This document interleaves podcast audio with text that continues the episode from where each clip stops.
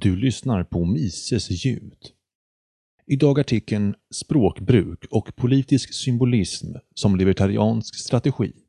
Författare Andreas Granat.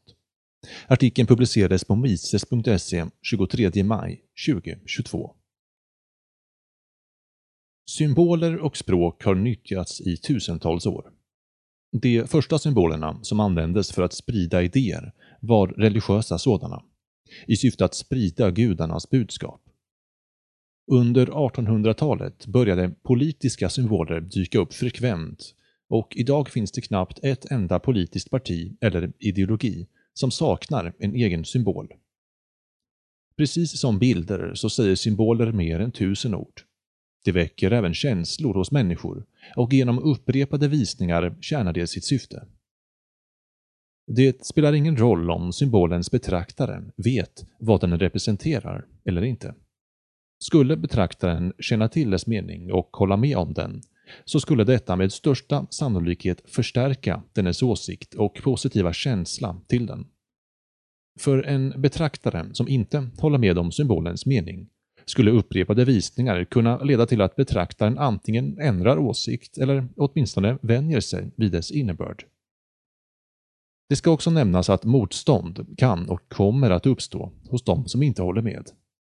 Skulle betraktaren inte veta vad symbolen representerar kan den väcka en viss nyfikenhet som slutligen kan leda till att betraktaren blir en anhängare. Man kan säga att symboler är för ideologier vad loggor är för företag. Det används för marknadsföring. Historiskt och nutida användande den kanske mest kända politiska symbolen är svastikan.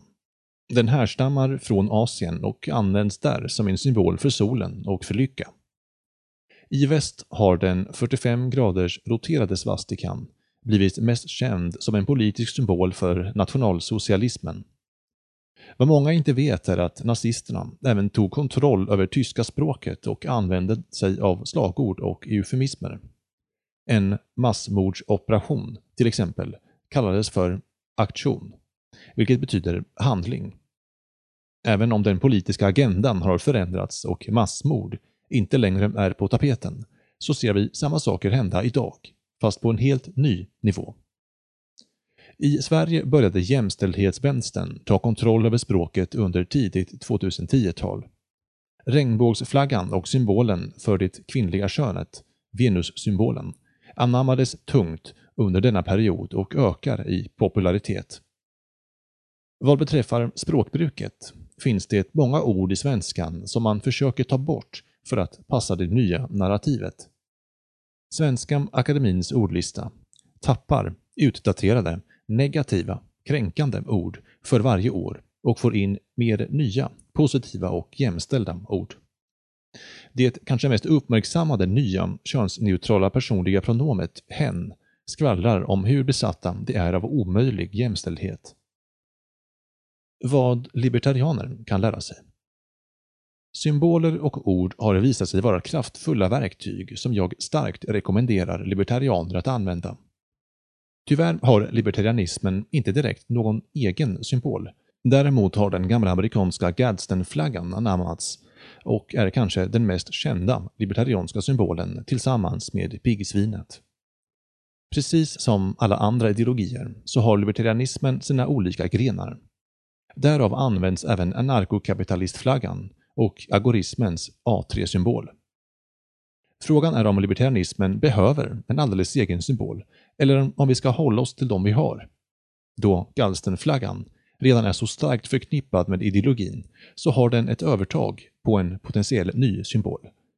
Däremot så är flaggan en ganska komplex symbol att antingen rita av för hand eller göra smycken av.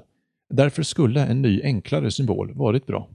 Vad beträffar språkbruk och semantik så tycker jag att libertarianer generellt kan behöva se över sitt ordförråd i vardagen och kalla saker vad de verkligen är. Här är några förslag. 1. Som jag har nämnt tidigare i min artikel Den pseudoprivata sektorn så finns det ingen helt privat sektor, då den är hårt reglerad och beskattad. Därför bör den kallas pseudoprivat. 2. Libertarianer har en sund uppfattning om vad ägande innebär. Vi vet därför att gemensamt ägande inte är möjligt, då endast individer tänker och handlar därefter. Så kalla det för vad det är. Kollektivt nyttjande, eller allmänt nyttjande. 3. Vår ärkefiende, staten, förtjänar ett mer passande namn som maffian eller våldsmonopolet. 4. Kapitalism är missförstått och det ekonomiska system vi har i de flesta länder är snarare statskapitalism eller crony-kapitalism.